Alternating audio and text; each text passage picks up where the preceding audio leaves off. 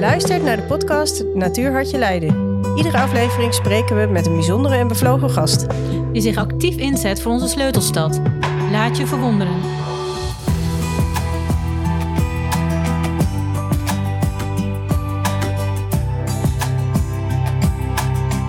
Als je op zondagochtend langs de grachten van Leiden loopt, heb je ongetwijfeld de groene kano's van de grachtwacht gespot.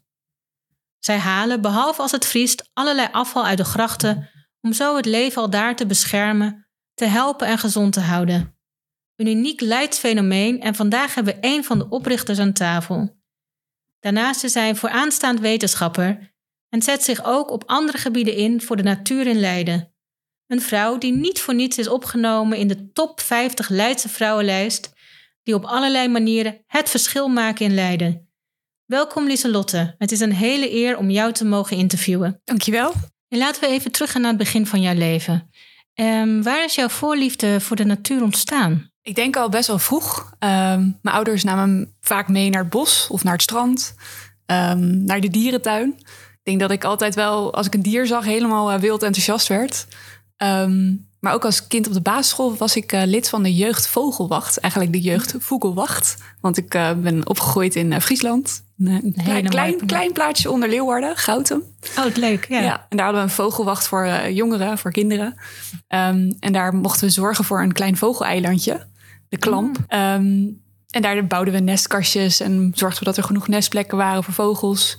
Um, en was ik dus eigenlijk al als kind op de basisschool bezig, bezig met het beschermen van uh, uh, ja, de natuur om ons heen. En je stond dus al vroeg midden in de natuur en je werd ook gestimuleerd om uh, voor dieren op te komen en deze te beschermen. Hoe ben je tot de keuze gekomen om biologe te worden? Ja, het heeft wel wat omzwervingen gekend. Um, ik was niet heel goed in scheikunde, natuurkunde, wiskunde op school, op de middelbare school. Um, dus ik moest op een gegeven moment mijn vakken laten vallen. Mm uh, dus ik wilde heel graag dierenarts worden, maar dat kon eigenlijk niet.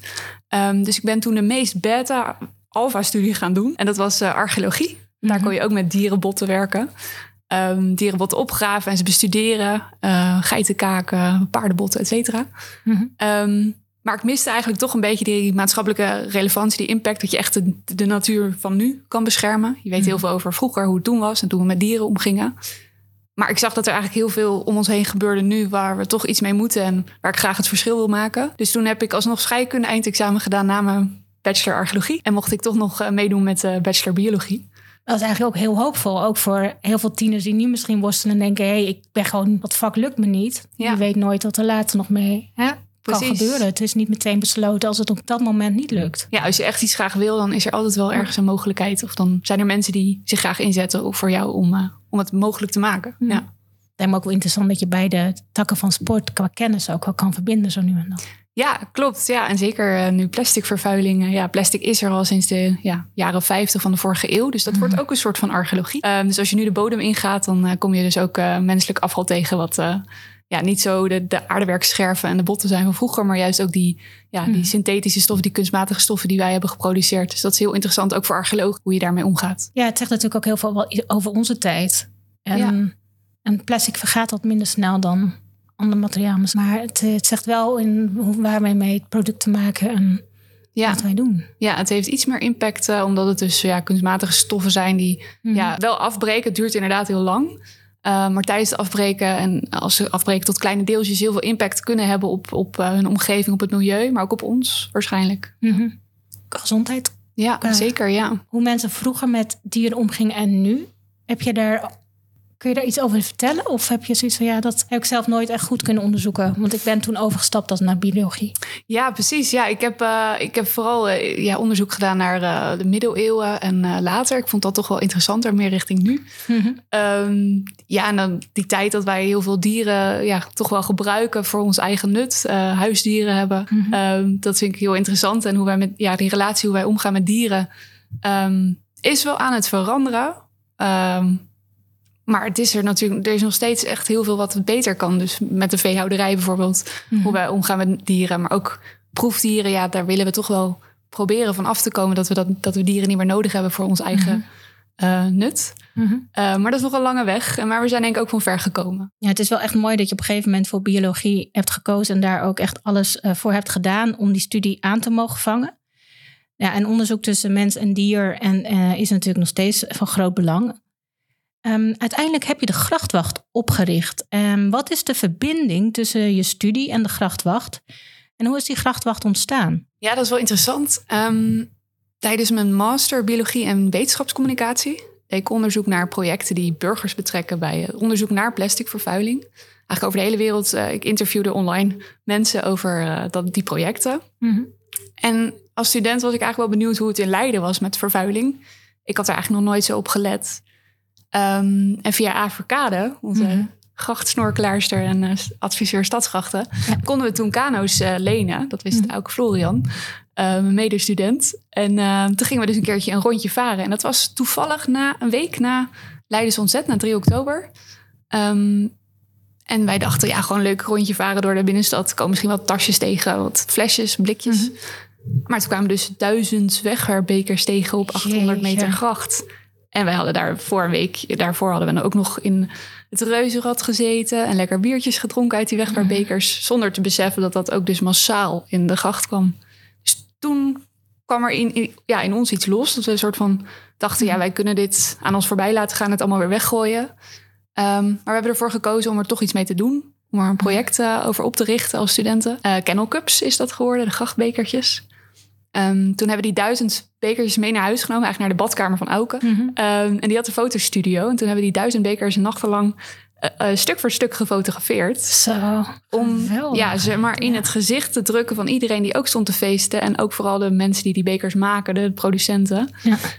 Um, om te laten zien dat het niet meer zo langer kan. Dat we dit wisten we eigenlijk al twintig jaar lang. Dat de gemeente dit anders zou willen.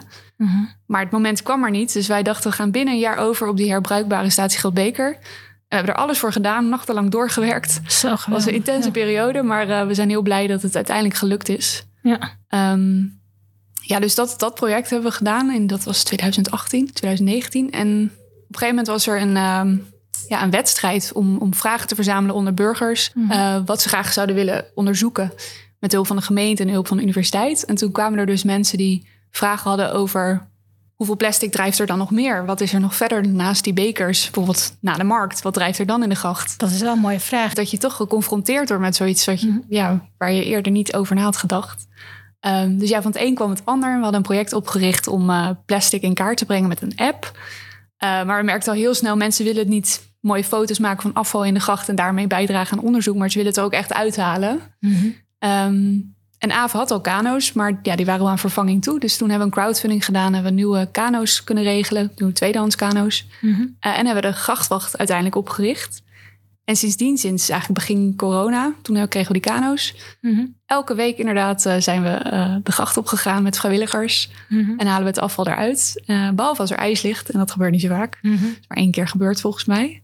Um, maar eigenlijk altijd, ook de hele winter door, hebben we vrijwilligers die daar klaar voor staan. Nou, maar jij hebt ook onderzoek gedaan in de tijd van uh, de coronapandemie. Als het gaat om afval dat toen is geproduceerd en in de grachten kwam.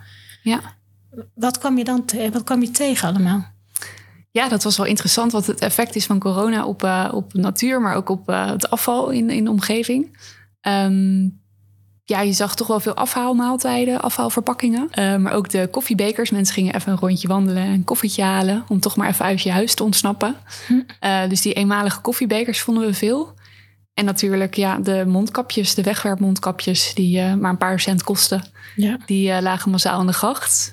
op hoogtepunt zag je echt 165 in een rondje van 4 kilometer. Dus alleen maar binnenstap, niet eens de singles. Enorm. Ja, echt heel veel.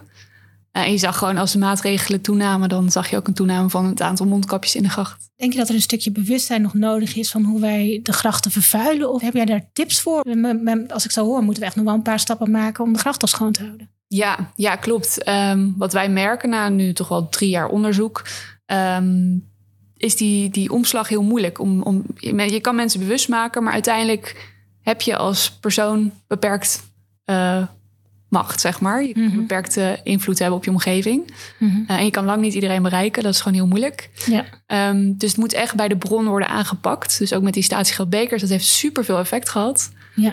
Um, en dat zie je ook met flesjes die statiegeld hebben. En blikjes nu blikjes, ook. Oh, vind ik zo fijn. Ja, dat is echt een verademing. Dat scheelt echt. Ehm, dat moet je voor elkaar krijgen, dat het bij de bron wordt voorkomen. En dat proberen we nu ook met de markt voor elkaar te krijgen. Mhm.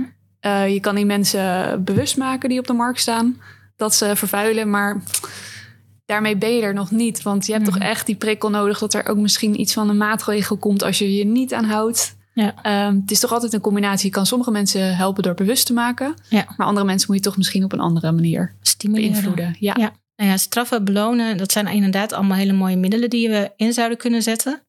Ja, of natuurlijk gewoon een keer met jullie meevaren in de kano. En dan kunnen mensen die op de markt staan en de markt bezoeken ook zien wat er daarna in de, in de gracht eigenlijk achterblijft. Je hebt ook een aantal hele bijzondere voorwerpen meegenomen. We zullen er straks eentje ja, gaan bespreken, want het ligt inmiddels al voor je. Ehm, welke andere soort objecten vinden jullie in de gracht? Ja, oh, van alles. We hebben zelfs een eh, plankje in ons brughuis op de Marenbrug... waar we elke week de gekste vondsten tentoonstellen... omdat we altijd wel iets raars vinden. Ehm, ja, condooms vinden we regelmatig. Zeker als het lekker weer is. Dat is toch Ehm. ook echt. Die kun je ook gewoon ergens anders weggooien. hè? ja, dat is niet opmerkelijk. Ja, eh, misschien als het donker is, als je het dan even niet door hebt. gracht. Ja. Ehm, maar verder, eh, knuffels vinden we af en toe. Mhm. Ehm, ook als er een evenement is geweest als Koningsdag... dan vind je Koningsdagversieringen of een Mhm. leuke hoed. Dus jullie Eh. kunnen echt wel zien welk festival is geweest aan wat er in de gracht ligt. Ja, ja zeker. Ja. Ehm, maar ook eh, ja, gekke voorwerpen. Ja, seksspeeltjes vinden we af en toe. we noemen het de Leidse paling, maar het is eh, een dubbele dildo. Ehm, dat is toch wel Dat is de een andere betekenis van de Leidse paling. Precies. Ehm, die hebben we ook gevonden. En ja, misschien ook wel een hele gekke is eh, een dagboek. Mhm. Een dagboek van een eh, PhD-student, een onderzoeker bij de Universiteit Leiden. Mhm.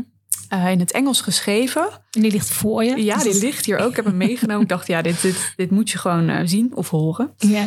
Ehm dus iemand die eh, ja, nogal een expliciet dagboek heeft geschreven... over hoe die zijn dates tijdens coronatijd heeft ervaren. En Mhm. vooral, ja, de dates in bed. hoe, ze, go- hoe goed ze waren in dingen en hoe slecht. Ehm, ja, wij vonden dit bij het Rembrandtpark alweer een tijdje terug... En eh, ja, we begonnen meteen te lezen in die kano. We dachten, wat is dit voor spannend? Eh, we kunnen het gewoon ontcijferen. En nou, thuis toen we terug waren, hebben we het bladzijde voor bladzijde gefeund. Ehm, om te zorgen dat het eh, ja, bewaard zou blijven voor het nageslacht. Het, is, het is wel interessant. Ik kan wel een klein stukje lezen. En omdat we ook een aantal jonge luisteraars hebben, hebben we gekozen om een neutraal stukje te laten voorlezen. Het dagboek ligt in het museum van de Grachtwacht. Dus als je meer wilt horen of lezen uit het dagboek, dan kun je altijd daar terecht. En we gaan nu luisteren naar een klein stukje tekst. May 26, 2020. Last night I had extraordinary and vivid and interesting dreams. I was first violinist for the Beatles. I was playing with John Lennon and Paul McCartney for Abbey Road. They offered me 13.9% of all future Abbey Road sales. I knew that I would never have to worry about money again. Toen ik het eh, stukje las, kwam Imagine van John Lennon heel erg bij mij naar boven. Het is een hele mooie droom. En wie weet, droom jij vanavond ook wel dat je naast je favoriete band op het podium staat met een heel gaaf muziekinstrument. Het is natuurlijk heel mooi dat jullie dit dagboek hebben gevonden en hebben drooggefeund. En dat het dan ook nog leesbaar is. En het is iets heel persoonlijks. En dat vind je zeker niet altijd in de grachten. Ja, het is eh, heel bijzonder. Ja, jullie vinden heel veel bijzondere objecten in, op en rond het water. En laten we nu naar het onderwaterleven zelf gaan. Wat spreekt jou bijzonder aan aan het leven in, rond en op het water? En heb je bijvoorbeeld ook lievelingsdieren? Ja, zoveel. Ehm, ja, de Leidse grachten zijn natuurlijk eh, ja, super centraal in Leiden. We hebben zoveel grachten. We Mhm. hadden ook nog meer grachten. Ehm, dus je kan er niet omheen als je door Leiden loopt. En ja, wat AVR ook super goed doet, is, is ja, mensen bewust maken van al dat leven in de grachten. Al die soorten, meer Ja. dan 26 soorten inmiddels. Ja. eh, waarvan we weten dat ze in de gracht leven. Aan vissen alleen. Ehm, en ook de planten, ja, het is, dus, er is van alles als je er goed naar gaat kijken. En ook door de seizoenen heen, omdat we de hele jaar in de gracht varen, zie je dus ook echt hoe de gracht verandert. Hoe de gele plomp opkomt en de waterlelies. Ehm, hoe de schietmotten over het water schieten. Ehm, maar ook natuurlijk de, de watervogels met hun jongen. Ehm, dat is wel een uitdaging hoor, voor, voor watervogels in Leiden. Mhm. Er is gewoon niet zoveel nestplek in de binnenstad dan. Je hebt natuurlijk de singles met hun mooie groene bermen, zachte bermen, Mhm. eh, zachte oevers. Maar in de binnenstad echt bij de markt en zo en ook bij ons brughuis, daar heb je gewoon alleen maar steile kades, ehm, Mhm. geen groen. Ehm, dus dat vonden we wel lastig. En Aaf heeft daar ook mooie watertuinen voor aangelegd. Ja, klopt. Eh, Wat echt helpt, want je ziet meteen die, die vogels erop op gaan nestelen. Eh, dus dat hebben we ook gedaan. Naast ons brughuis hebben we ook een nestplateau neergelegd. En gemaakt van eh, plastic flesjes voordat er statiegeld op zat. Mhm. Ehm, dat gebruikt als drijfmateriaal in plaats van wat vaak gebruikt wordt, dus piepschuim. Mhm. Ehm, Ja, en dat brokkelt natuurlijk af, Ja. dat piepschuim. Dat het is verschrikkelijk. Ook bij woonboten wordt het veel gebruikt. Super gevaarlijk. De hele kaderrand zie je vol met korreltjes eh, in het water. Dus daar Ja. mag echt nog wel iets aan gedaan worden. Ja. Ehm, maar je ziet meteen dat zo'n nestplateau dan in gebruik wordt genomen. En dat is geweldig. Echt Mhm. meerkoeten die er dan meteen een nestje op gaan maken. Ehm, dus dat is nu volgens mij het tweede jaar. Ja, het tweede jaar dat we dat nestplateau hebben. En eh, ook dit jaar hebben ze weer eh, jongen. Ehm, inmiddels zijn het er vier. Helaas heb ik er eentje horen. eh, nou, hoorde ik de meeuwen langskomen en Oh ja. allemaal paniek op het water. En eh, toen was er eentje, één jong minder. Ja, dat gebeurt. hoort erbij. Dat is de Ja. natuur dan. Ja. Ehm, maar ze hebben het ook echt niet makkelijk, die meerkoeten. Dus ik hoor wel mensen zeggen van ja, meerkoeten zijn agressief eh, beestjes. Maar ze moeten ook wel. Dat maakt dat ze kunnen overleven in zo'n Mhm. klimaat als de, als stad. Ehm, maar dat, dat, dat is super gaaf om die watervogels eh, bezig te zien eh, in zo'n versteende omgeving. Dat dat toch Mhm. kan Mhm. als je ze de ruimte biedt. Want ja, ze maken ook massaal nesten op bootjes, op de achterkant van bootjes. ja. Tot onvrede van de booteigenaren. En die willen gewoon gaan varen en dan gooien ze die nesten eraf. Dus dat is Ja, wel dat is- iets ja. Ja. waar we nog iets mee, meer mee kunnen. Ja, dat, is wel, ja, dat was een van mijn vragen ook inderdaad. Van of er nog tips zijn. Dus daar komen we straks wel Ja. nog even op terug. Want het is wel leuk dat je dat noemt. Want Avocado hebben inderdaad in het eerste seizoen mogen interviewen. En heeft ze inderdaad veel verteld over wat zij qua vissensoorten in de gracht allemaal, allemaal vindt. Of tegenkomt. En hoe bijzonder dat onderwaterleven ook is. Het is wel mooi dat jij dat ook zo aansluit. Ja, wat je ook ziet is dat het dus continu aan het veranderen is. Dat het Mhm. evolueert. Dus wat AVO probeert te doen is, is meer inzicht krijgen in de rivierkreeften. De problematiek rondom rivierkreeften als exoot. Ja. En Maar je ziet dus dat watervogels het nu ook gaan eten. Ja. Eh, we zien dat ook in de opvang. Dat ineens een meeuw gaat braken. En dat er dan allemaal restjes rivierkreeft eh, uitkomen. Ja. Ehm, maar dat zie je dus ook bij eh futen bijvoorbeeld. Futen zijn nu ook al... ehm, Daar is het ook van bekend dat ze rivierkreeften eten... terwijl ze vooral vissen eten. Mhm. Dus dat is ja, super interessant. Dat is wel een mooie verschuiving. Ja, Want dan krijg je toch de natuur die, hè, die daar weer aan ja, een soort oplossing biedt voor hè, de enorme overschot die Ja. op een gegeven moment is ontstaan. Zeker. En de fut is denk ik ook wel mijn lievelingsvogel. in Ja, de wat maakt, wat, wat maakt de fut jouw lievelingsvogel? Ehm, nou, alleen al de jongen. De jongen van een fut. Een soort zebra's. Het is echt eh, bijzonder. Ze hebben echt zwart-witte strepen als ze Ja. klein zijn. Dan zitten ze op de rug bij mama en papa. Ja, dat Eh, klopt. Ja, die zitten vaak op de rug. Super schattig. Ja. Maar ook, ehm, ja, ze staan ook wel, zijn ook wel symbool voor hoe de waterkwaliteit is veranderd. Want ze jagen op zicht op vissen onder water. Mhm. En ze waren dus ook een tijd uit de stad verdwenen. En eh, op een gegeven moment zijn ze weer teruggekeerd omdat de waterkwaliteit verbeterd is. Mhm. Ook de aalschoffers zie je terugkeren. Ja, klopt. Super fijn. ja, die zien we inderdaad ook in het vogelasiel. Ja, die zie je, ja, we hadden er Ja. afgelopen week nog een. Ja, klopt. Super gaaf. Ehm, en het is ook wel een leuke fut. Ja, die heet dus in het Latijn Podiceps cristatus. Podiceps is Latijns voor aarsvoet. Mhm. Betekent dat zijn poten best wel achter aan het lichaam zitten, Mhm. aan de achterkant. Mhm. Ehm, en cristatus is volgens mij Latijns voor kam, omdat hij Mhm. toch zo'n kuif heeft. ja, ja, ja. Dus dat is wel, vind ik ook wel grappig. De, ja, en de, en de naam Fut komt waarschijnlijk van die aarsvoet vandaan. Mhm. Dat op een gegeven moment is hij die aars verloren in zijn naam. Mhm. En is het een soort van oud-Nederlands naar nieuw-Nederlands is het voet, geworden. Dat is wel mooi trouwens, dat Oh, je ja. dat, hè? Die hoe waar die namen vandaan komen. Ja, heel leuk. Ja. Ik heb ook wel eens ge- gezien bij, en volgens mij zijn dat echt die jonge futen, die hebben zo'n soort van hartje op hun voorhoofd. En als ze dan trek hebben, dan, dan verkleurt dat op hun voorhoofd. ja, bijzonder hè? Ja, dat vind ik echt. En dan Ja. een voetje is, eh, in, hè, tenminste, normaal doen we dat niet natuurlijk bij wilde vogels, maar als in het asiel zijn wel. Dan zie je die hele rode kleur terugkomen. Ja, zo Dat vind ik zo bijzonder. Ja, ik kan me dus voorstellen dat de fut je lievelingsvogel is. En je hebt het eigenlijk al een beetje gehad hè, over de uitdagingen waar vogels mee te maken krijgen als ze in onze grachten, als ze in onze grachten leven. En wat voor uitdagingen of voorbeelden kun je nog meer geven waaruit je ziet dat vogels ook echt wel last hebben of kunnen hebben van mensen? Ja, ook een beetje in het verlengde van steile kades, denk ik. Eh, Mhm. Dieren, en dan niet alleen wilde dieren, ook huisdieren als katten. Ja, die vallen nog wel eens in de gracht. Ook een egel, die heb ik ook meegenomen op eh, sterk water. Ehm, ja, die kunnen zwemmen. En de katten kunnen ook zwemmen. Maar ze kunnen er dan niet meer uit. Eigenlijk net als mensen die eh, in een stel kanaal vallen. Ja, dat zouden we ook kunnen aanpassen. En Aaf heeft daar ook wel iets voor gedaan. Die heeft in een havengebied liggen allemaal mooie touwen hangen aan de kades. Oh, wat gaaf. Ja. Ja. om die katten er weer uit te laten klimmen. Maar dat is dus maar in een klein deel van Leiden. En dat zou Mhm. wat mij betreft echt in meer delen mogen. Ehm toen nu samen met collega's van de dierenambulance onderzoek naar... eh, waar wij als dierenambulance ook eh, verdronken katten uit het water halen. Of honden ook.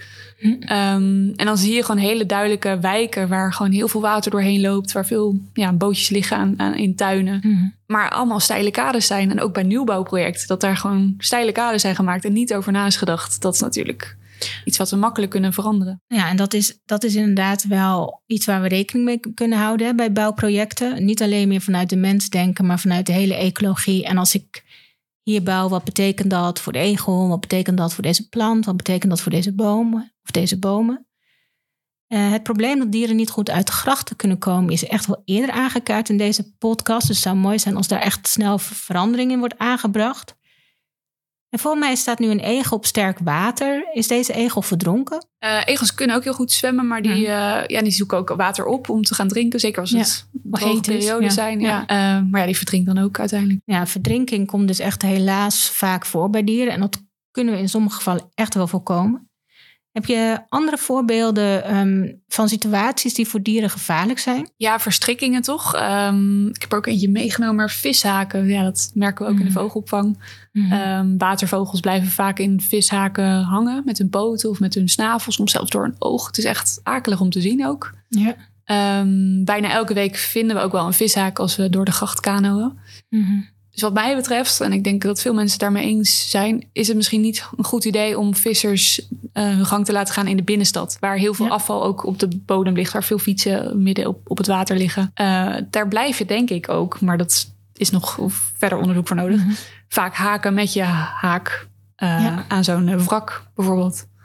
Dus misschien dat we toch moeten kijken hoe we dat kunnen verbeteren. Dat er niet allemaal visafval blijft liggen. En dat is natuurlijk ook al heel lang bekend dat dit gebeurt. Mhm. Bij dierenambulance hebben er constant last van. Ja. ja, Ehm, dieren raken echt ernstig gewond door die, Ja. door die haken. Ja, er is Ja. maar een kleine kans volgens mij dat het, eh, dat het weer goed geneest. eh, want ja, ze zwemmen er toch wel een aardig tijdje ook mee rond Mhm. als ze niet vastzitten. Nou Ja, we realiseren ons vaak niet dat dieren dus echt wel last hebben van ons afval en dat ze daaraan overlijden. Eh, een ander dier dat je hebt meegenomen, dat ook hier voor mij staat, is een hele prachtige eend. Maar er zit wel iets om zijn nek en daar kun je vast meer over vertellen. Ja, dit is een hele mooie wilde eend. En ehm, helaas heeft hij een soort plastic jerrycan ring. Eigenlijk wat je bij een plastic flesje hebt. Zo'n ringetje onder het dopje. Dan iets groter. En dat zit vast in zijn snavel. En dat is ja, om zijn hoofd heen geklapt. Waardoor hij eigenlijk niet meer goed kan eten. Dit gebeurt vaker. Eenden, maar ook allemaal andere dieren. Die happen in dingen continu. Omdat ze denken dat het eten is. Ja. Ehm, en bij zo'n jerrycan ring, heel akelig, is gewoon een gesloten plastic ring. Die slaat dan op zijn kop als hij erin hapt. En die krijgt hij nooit meer los. Kleine kans. En als een wilde eend echt wild is en niet gevoerd wordt door mensen, dan ja, krijg je hem ook echt niet te pakken als hij midden op een meer zit. Ehm, dus deze is helaas overleden uiteindelijk. Die heeft de Mhm. dierenambulance Alpha gevonden, maar ze waren dus net te laat. Hij was echt helemaal uitgehongerd, heel mager. Ja, verschrikkelijk. Ja, ehm, ja, dus afval wat achterblijft in de natuur heeft op zoveel manieren effect op, op, op omgeving, op dieren. En dat hebben we ook met mondkapjes in kaart gebracht. Hoeveel Mhm. dieren daar eigenlijk eh, ja, door in de problemen komen. Doordat ze in die elastieken bijvoorbeeld met hun poten blijven hangen. Ja. Of hun vleugels. Mhm. Soms het zelfs opeten. Ja, Ehm, en het verteert niet eh, uiteindelijk. nee, het blijft toch nog best wel lang in het Mhm. milieu of om hun ja, lichaam. als je het, ook als je het eet. Je, Ja.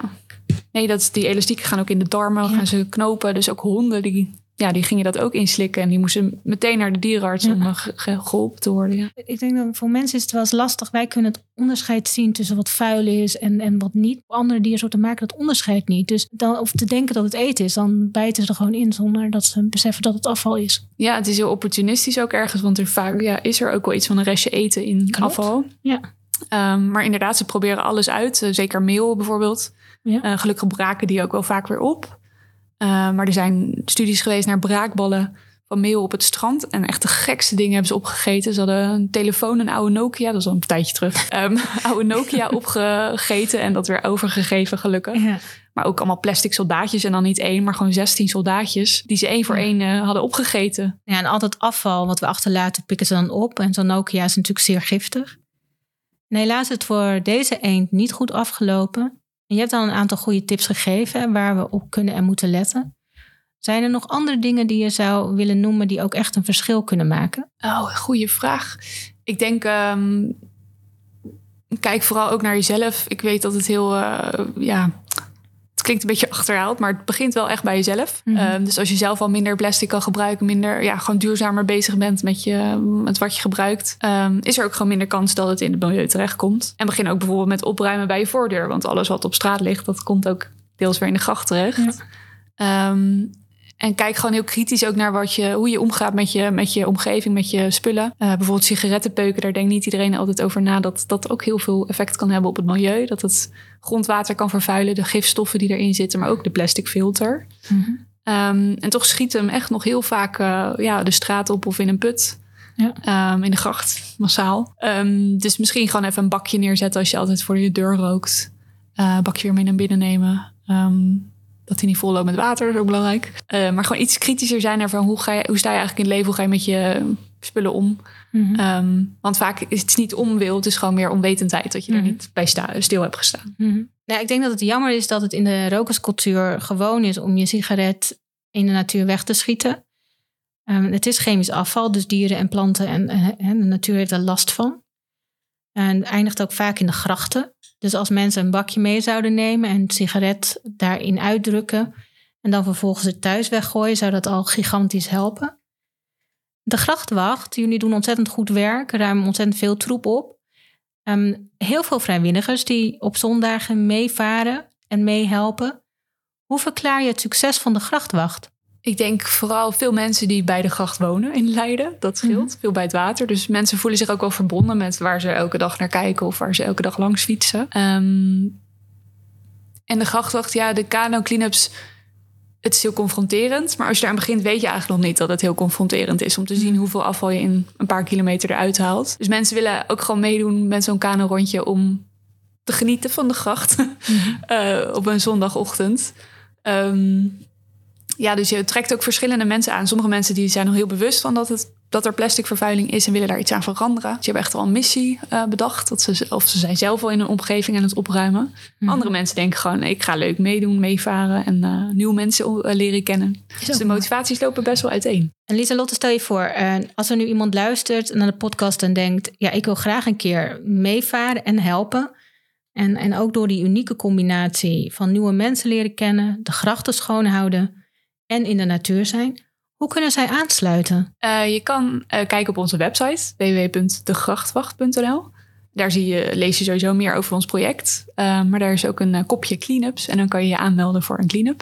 Het is elke zondag vanaf 11 uur. het is gratis om mee te doen. Um, donaties zijn altijd welkom. Mm -hmm. Maar ja, we willen het gewoon heel toegankelijk houden voor iedereen, dat iedereen mee kan doen. Um, en elke week hebben we weer nieuwe mensen, dus dat is superleuk. Maar we hebben ook een hele fijne vaste groep mm -hmm. vrijwilligers... die eigenlijk sinds, nou sommigen wel, sinds het begin uh, of tijdens corona begonnen zijn. En elke week dus ook bijna er zijn. En de groepen geleiden en hun ervaring en kennis ook delen. Geweldig, dus dat is superleuk. Ja. En dat maakt ook een hele hechte groep. En waar je dan echt op een mooie manier in thuis kunt voelen. Ja, zeker. En we hebben al een aantal objecten verklapt... Uh, die in juni uh, een museum te bezichtigen zijn. De rest van de collectie houden we echter geheim en mag je zelf gaan bekijken. En dan krijg je er ook nog een bijzondere rondleiding bij. Dus heel mooi, de grachtwacht. Ik wil nu naar het laatste onderwerp van vandaag, want je combineert wetenschap met activisme. Uh, en een voorbeeld daarvan is dat je gebruik hebt gemaakt van je spreekrecht bij de provincie Zuid-Holland toen zij spraken over het soortenbeleid. Waarom heb je daar, waarom heb je gebruik gemaakt van je spreekrecht en wat heb je verteld? Ja, zeker. Ja, goed om te weten dat iedereen dit kan doen. Zowel bij de gemeente, waar we dat ook als Kennel Cups hebben gedaan voor de, tegen de wegwaarbekers. um, bij de gemeenteraad ingesproken, maar ook uh, ja, nu bij de provinciale staten, uh, bij een vergadering. Um, ja, het ging over het soortenbeleid en de omgevingsvisie, een herziening van de omgevingsvisie. Dus hoe we met uh, ja, ons natuurbeleid omgaan in de provincie. Um, en daar werden wat dingen in het plan geschreven waar ja, ik denk ik als wetenschapper toch wel al nieuwe inzichten over heb. Um, ja, en dat duurt altijd een tijdje in de wetenschap voordat het in een wetenschappelijk tijdschrift staat, die inzichten. Mm -hmm. um, en soms ja, is, die, is, is, is het gewoon heel actueel en dan wil je dat ook al eerder kunnen delen met, uh, met uh, ja, betrokkenen. en dat was nu het geval, dus daarom heb ik er gebruik van gemaakt. Ehm, wat ik heb gedaan is interviews gedaan met coördinatoren van wildopvangcentra in Nederland. Mhm. Om te kijken ja, wie werken er, wat voor vrijwilligers, maar ook vooral wat voor gegevens worden verzameld um, over de dieren die ze opvangen elk jaar, elke mhm. dag. We hebben meer dan 80 wildopvangcentra in Nederland en er werken vooral vrijwilligers. En sommige centra, bijvoorbeeld Vogelklas Rotterdam, nou, die, heeft, die gaat naar de 15.000 dieren per jaar. Zo, enorm aantal. Ja, en ze moeten van de provincie bijhouden welk dier, waar komt het vandaan, waarom is het binnengekomen en hoe is het afgelopen. En dat is hele interessante eh, data. Uh, maar het is nog helemaal geen prioriteit voor de opvangcentra om daar iets mee te doen. Want ze staan allemaal ongeveer op, op omvallen. Mhm. Want ze worden niet gesubsidieerd vanuit de provincie. Af en toe gemeentes die iets bijdragen. Mhm. Maar er is gewoon geen uh, regelgeving over hoe we met dieren die in nood zijn om moeten gaan. Het is in de wet vastgelegd, iedereen moet een dier in nood helpen. Maar hoe en wie, uh, dat ontbreekt totaal, dat, die mhm. visie. Um, en de provincie die heeft iets gezegd over wildopvangcentra in dat plan. Um, onder andere beweerden ze dat we meer uh, dat opvangcentra meer exoten opvangen dan uh, beschermde dieren. En dat, oh, is een interessante ja, is een misvatting. Ja, ja, dat denk ik ook. Een hele grote misvatting. Ja. Um, en ja, nog wel een paar andere interessante zaken. Maar ja, ik heb toen het verhaal verteld van wat ik dus tijdens interviews heb meegekregen van de coördinatoren. En dat is dat die gegevens ja, heel veel kunnen vertellen over bijvoorbeeld de verspreiding van vogelgriep. Uh, Hoe is het met vogelgriep gesteld? Um, ja, welke dieren worden getroffen? Waar worden ze getroffen? Waar kan je misschien zorgen dat andere dieren niet uh, besmet raken? Die gegevens zouden heel interessant zijn voor een provincie of andere partijen. Um, dus meer onderzoek naar die, die data zou goed zijn. Ja, dus wat, wat duidelijk werd is dat opvangcentra ook een hele belangrijke educatieve rol hebben. Dus dat ze, ze redden heel veel dieren of ze proberen in ieder geval dieren weer terug te zetten in de natuur. Um, maar ze hebben ook nog eens een hele belangrijke educatieve rol, omdat ze mensen verbinden met de natuur. Um, ze kunnen advies geven aan mensen die dieren brengen. Uh, ook hoe ze beter met hun eigen omgeving moeten omgaan, zodat het ja, natuurinclusiever wordt. Um, en dan kunnen advies geven aan een gemeente of een provincie van hoe ze met uh, dieren om moeten gaan in hun omgeving. Mm allemaal belangrijke functies die totaal niet op de radar staan van provincie, eh, ja, provincieleden. Um, dus dat heb ik meegegeven daar. En ook dat er voor vogelgriep, het is gewoon heel actueel nu dat er echt iets moet gebeuren met die opvangcentra. Dat ze meer steun krijgen, meer kennis wordt gedeeld, meer onderzoek. Um, en als je geen structurele fondsen krijgt, uh, je moet je bescherm pakken. Je moet je materialen allemaal hebben. Je moet eigenlijk een ruimte waar een dier binnenkomt met die verdacht hè, het soms is. Uh, dat je toch wil observeren van, hebben, is hier echt sprake van vogelgriep? Uh, je kunt niet testen, want daar heb je allemaal geen geld voor. Ja, ja. Heel erg, ja. En je, ja, je ziet gewoon de een na de andere opvang sluiten ook door oh, die problemen. Tragisch, ja. ja, dus Delft, Veldopvang Delft is bijvoorbeeld gesloten. maar ook nu de noodklok is geluid bij Vogelklas Karel Schot in Rotterdam. Hm. Um, ze hebben uitgerekend dat bijvoorbeeld alleen over de 600 zwanen die ze in een jaar tijd kunnen binnenkrijgen, dat dat zo'n 20.000 euro kost aan voedsel en verzorging. Um, dus ja, daar hebben ze gewoon echt structurele steun inderdaad voor nodig. En dan kom je er niet met 15.000 euro verspreid over verschillende opvangcentra. Of nee. je moet echt wel structureel, uh, ja, misschien wel 50.000 per opvang mm vrijmaken hiervoor. Ja. Het is ook heel belangrijk, want als, als die opvangcentra, die soms al nou, 50 jaar bestaan, dat niet gaan doen, wie gaat het dan doen? Ja. Um, er zit zoveel kennis en ervaring bij die centra. Ja, daarin zie je dat we eigenlijk geen ziektekostensysteem hebben voor wilde dieren. En we zuinigen dan ook nog op de noodzakelijke opvang. Uh, huisdieren gaan naar de dierenarts en dieren in de gevangenschap leven eigenlijk ook. Je hebt natuurlijk ook nog asiel. En dieren die in het wild leven, ja, daarin, daar wordt niet structureel in gefinancierd. Um, we, sluiten, we sluiten zelfs de plekken waar ze worden verzorgd. De ziekenhuizen, ja. ja. Ja, zo kan je het zeker zien. Ja, ik vind het wel heel goed dat je daar gesproken hebt. En, en bestuurders ook bewust hebt kunnen maken met, met het geven van concrete voorbeelden en onderzoeksgegevens. Ja, ik denk dat wetenschappers dat wel vaker mogen doen. Ik denk dat dat iets is wat vroeger ook heel veel meer gebeurde. Je had ook een uh, Charles Darwin die zich uh, inzette tegen het gebruik van uh, proefdieren, in ieder geval levende proefdieren. Mm Jane Goodall ook, voor de chimpansees heeft ze zich ook ingezet als activist. En ik denk dat we daar, en ook Rachel Carson met uh, Silent Spring, dat ze zich inzetten mhm. tegen het gebruik van pesticiden, daar een boek over schreef. Um, dat activisme, dat kan gewoon prima samengaan met wetenschap. Um, als jij gewoon gegevens hebt, onderzoek hebt gedaan, um, en er komen uitkomsten uit die ja, breder moeten worden gedeeld dan alleen dat wetenschappelijk tijdschrift. Dat het echt bij betrokken partijen moet komen. Ja. Waar het zeker niet zomaar komt. Dat, Ja, ja, ja, ja. dat zou wel goed zijn. Ja, ik vind het wel mooi dat je dat aangeeft. Hè? Want wetenschappers hebben een uniek pakket van kennis, kunde en onderzoek. Hè, waarmee ze echt ook in de praktijk bezig zijn in hun rugzak. Dus die kennis is eigenlijk onmisbaar bij het maken van goede besluiten op gemeentelijk, provinciaal en overheidsniveau, landelijk niveau. Ehm, ik heb onlangs Antje Jordan geïnterviewd en zij gaf eigenlijk hetzelfde aan. Experts zouden meer betrokken kunnen worden bij de besluitvorming. En ik vind het daarom ook wel heel mooi dat jij actief als wetenschapper eh, je kennis en kunde en je onderzoek hebt overgebracht tijdens zo'n vergadering. En als je zelf een keer wil inspreken, we zullen op onze website dan wat meer informatie plaatsen. En wat ik ook wel heel goed vind, is dat je aangaf van, hè, over de exoten. Want als een exoot over Zuid-Holland vliegt en die raakt gewond, dan is er geen enkele ambulance of dierenvrijwilliger of liefhebber die zo'n vogel laat kramperen. Dus dat onderscheid tussen exoot en niet-exoten is helemaal niet zinvol als het gaat over een gewond dier. En die moeten we gewoon helpen. Dus daar zit de wetgeving gewoon echt in de weg. En daar zou echt wel iets aan gedaan mogen worden of moeten worden. Ehm, we zijn dan toegekomen bij onze laatste vraag. Want je bent onderdeel van de top 50 vrouwen in Leiden. En daar inspireer je heel veel mensen mee. En dan is onze vraag: wie heeft jou geïnspireerd? Oh, zoveel mensen. Moeilijk om er eentje te kiezen. Ik denk dat het al begon met de vogelwacht. eh Onne Venema heette die meneer. ehm, die de vogelwacht begeleidde. En kinderen dus inspireerde en, en eh, ook al aanzetten tot activisme. We hebben ook echt ingezet bij de... Ja, we hebben een petitie eh, ingeleverd bij de wethouder... om het vogeleilandje te beschermen... en zorgen dat het niet opgeslokt wordt door nieuwbouw. Ehm, en dat, ja, dat is dus in de jaren 90, begin 2000 geweest.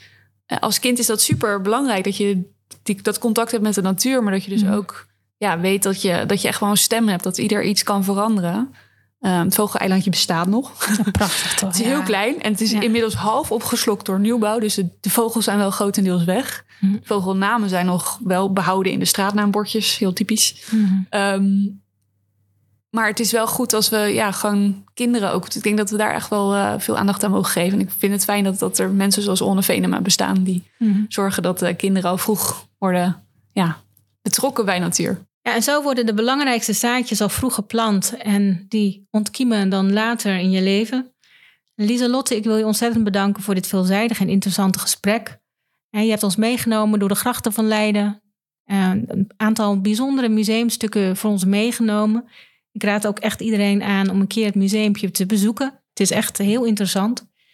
Je hebt ook al iets verteld over je spreekrecht van weten, als wetenschapper. En eigenlijk ook de oproep dat meer mee wetenschappers dat zouden kunnen of mogen doen. Ehm, en we zullen ook een aantal eh, links op onze website zetten over de onderwerpen waarover we hebben gesproken. En dan eh, graag tot een volgende keer.